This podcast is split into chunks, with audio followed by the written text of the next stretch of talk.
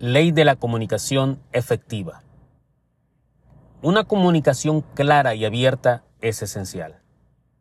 La habilidad para escuchar activamente es fundamental para establecer una conexión sincera y permite una comunicación efectiva a través de una visión compartida y objetivos claros, ayudando a mantener a todos enfocados en un propósito común.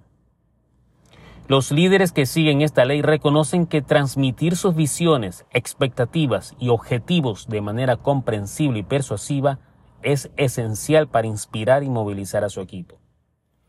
Estos líderes se esfuerzan por ser oyentes activos, comprendiendo las preocupaciones y perspectivas de los demás, lo que fortalece la relación de confianza con su equipo.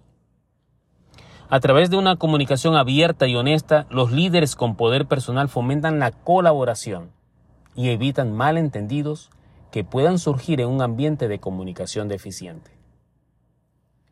La ley de comunicación efectiva abarca la habilidad de adaptar el estilo y tono de comunicación según la audiencia y el contexto.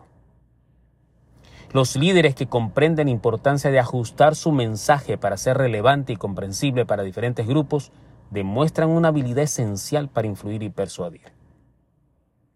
Asimismo, esta ley destaca la capacidad del líder para ser un comunicador inspirador, transmitiendo entusiasmo y motivación a través de sus palabras y acciones.